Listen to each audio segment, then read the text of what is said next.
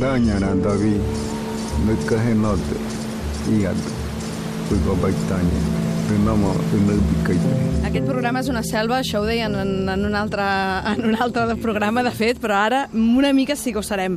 Uh, donem la benvinguda a l'Andreu Meixida. Bona nit. Bona nit, què tal? T'he dit Meixida, ja estic fatal. Ja. Mm, és igual, ja avui dia, no és, avui dia parlant femení està acceptat ja. I tant, i tant. nois. Meixida, Meixida. Meixida. Exacte, doncs, i amb ell ja sabeu que sempre parlem de cine i avui parlarem d'una pel·lícula colombiana que està nominada als Oscars a la pel·lícula estrangera i que tu ja l'has vist perquè vens de Colòmbia, eh? Això no pot dir tothom. No, vaig tenir aquesta sort, mira, vaig coincidir allà i la vaig poder veure perquè aquí no s'ha estrenat encara, vindran sempre que la setmana que ve l'estrenen. Uh -huh. I llavors parlarem d'aquesta pel·lícula que aviat podreu veure doncs, aquí a les pantalles de Barcelona, una pel·li que t'ha agradat molt, que es diu El abrazo de la serpiente i que vols comparar-la també amb moltes altres pel·lícules o relacionar-la, no?, d'alguna manera. Sí, relacionar-lo d'alguna manera amb altres pel·lícules. La veritat és que jo crec que és una pel·lícula que val molt la pena.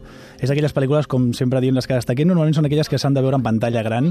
És un blanc i negre eh, de fotografia, molt maco. La pel·lícula, perquè ens situem, eh, està ubicada a principis del segle XX a l'Amazona, a l'Amazònia. Llavors és com la història de dos, està basada en fets reals, diguéssim, eh, la història de dos exploradors, d'aquells que van anar descobrint eh, com tribus que no s'havien contactat mai. Uh -huh. Llavors és com un viatge a través de l'Amazonia, diguéssim, i, i la veritat és que és fascinant, és fascinant. És com una absorció de la natura i, i l'ésser humà dins d'una mateixa pel·lícula, que jo crec que aquí el director, que és el Ciro Guerra, que és un noi molt jove, uh -huh. m'he donat compte que de quasi totes les pel·lícules que parlo del cabaret són de directors o directores molt joves, perquè Què t'està passant? estem parlant d'un noi de 34 anys, és a dir, Va. i és la seva tercera pel·lícula. Totes tres han estat eh, nominades per l'Acadèmia, diguéssim, colombiana cap als Oscars, però només aquesta tercera ha aconseguit estar entre els finalistes. Molt bé. Jo he buscat per internet una mica el que és la, allò, la, la, la storyline i he flipat. Caramacate fue en su día un poderoso chamán del Amazonas. Es el último superviviente de su pueblo y ahora vive en aislamiento voluntario en lo más profundo de la selva.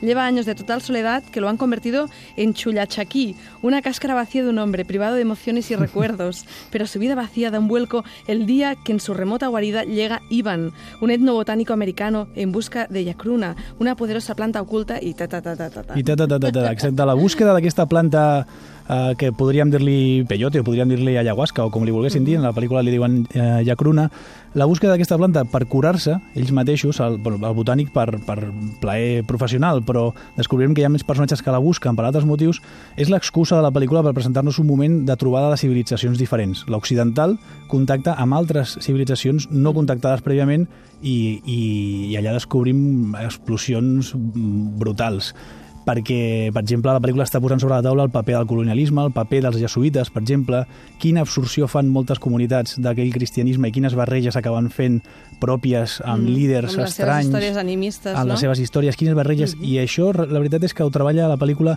molt i molt bé, sense voler ser una pel·lícula fidedigna als fets reals, és a dir, és una ficció, no és un documental etnogràfic a l'ús, com hagués fet, per exemple, Jan Ruix o com hagués fet altres directors.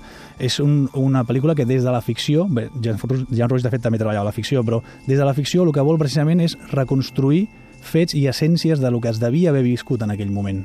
O sigui que 10 points. Mm, Tu està- 10 no points no, posaré però un 10 points, vuit. no. Vuit posaré points? un 8 points segur. El 8 D'acord. points segur. El 10 me'l guardo perquè no sé el que vindrà el dia de demà. D'acord. El abrazo de la serpiente, aquesta pel·lícula que ja cos- segur que es podrà començar a veure aquí a Catalunya la setmana que ve. I ara tu me la vols eh, acompanyar o me la vols relacionar amb altres pel·lícules tan mítiques, atenció, com Apocalipsi Now. This is the end, beautiful friend.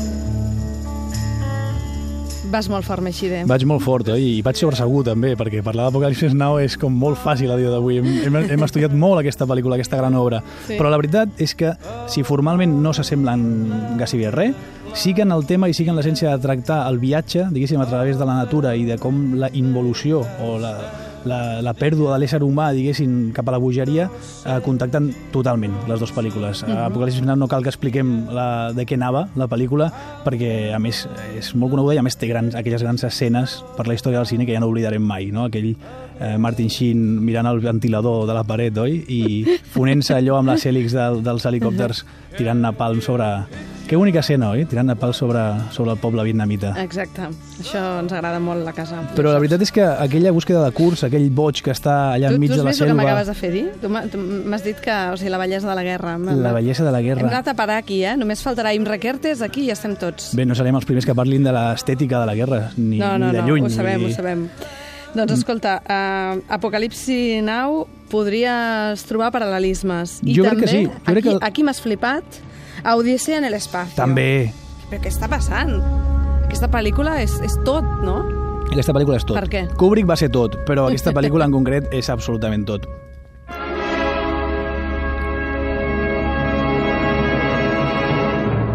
Baixa, baixa. Baixo. T'ho estava, ordeno.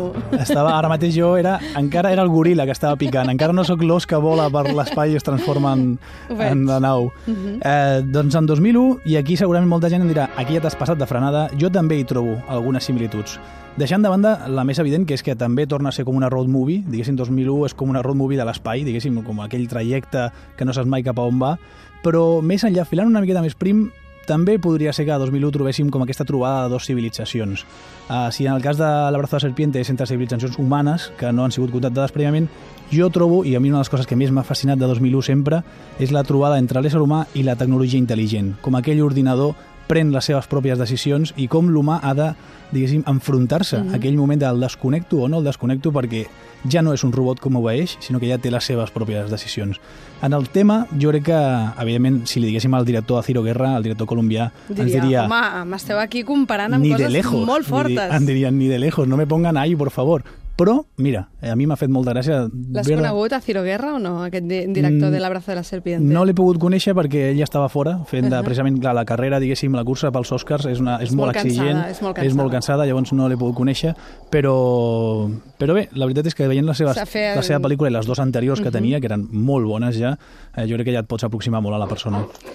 Doncs va, anem a parlar d'una altra pel·lícula, aquesta en aquest cas un documental, un documental fet aquí, que tu també trobes que hi ha paral·lelismes. És el Cantunis, el famós Cantunis. Tengo 11 años y, y estoy, bueno, vine aquí con 3 años, ¿no?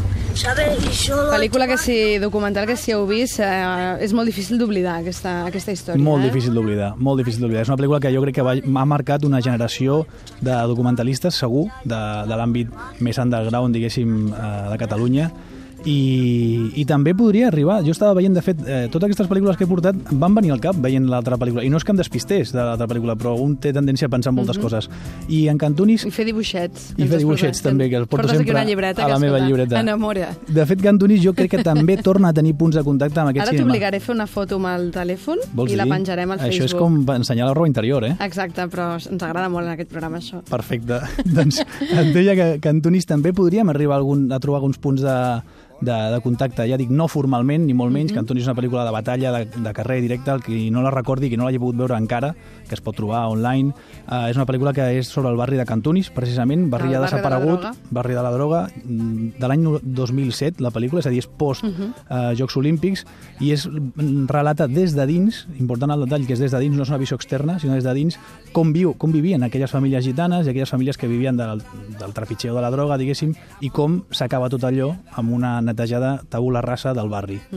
Doncs eh, de nou ens planteja per mi conflictes de trobades culturals de, en altres pel·lícules són ètnies o són eh, no sé, cultures, diguéssim. Aquí, de fet, la cultura paia i la cultura gitana es nota que no estan mm, vivint al mateix espai, no estan vivint a les mateixes normes i una, clarament la colonial, predomina sobre l'altra i l'esclafa directament. Eh, jo crec que és una pel·lícula que és fantàstica de veure sempre, no s'oblida, com has dit tu, i trobo que tindria algun link també amb, amb el brazo de la serpiente, aquells links sui generis que m'agrada fer a mi. Eh? Aquests links que ara veureu aquí en els dibuixets que ens fa l'Andreu Meixide perquè pensem obligar-lo a que faci una foto. No sé jo si la penjarem, Va, però un vinga, tros, un a veure... tros. Mm, Andreu, uh, esperem a veure què passa amb aquesta cursa dels Oscars i ja anirem parlant, però vaja, és una molt bona recomanació aquest El abrazo de la serpiente. Un altre dia, si vols, parlem de les finalistes de, dels Oscars de la Però categoria... ja sabem quin has triat, tu, de moment. pues mira, tindria dubtes, eh? Perquè crec que les cinc pel·lícules que, que estan optant al Premi de la Pel·lícula Estrangera són uh -huh. molt bones aquest any. Trobo que hi ha un nivell molt alt. Que fort.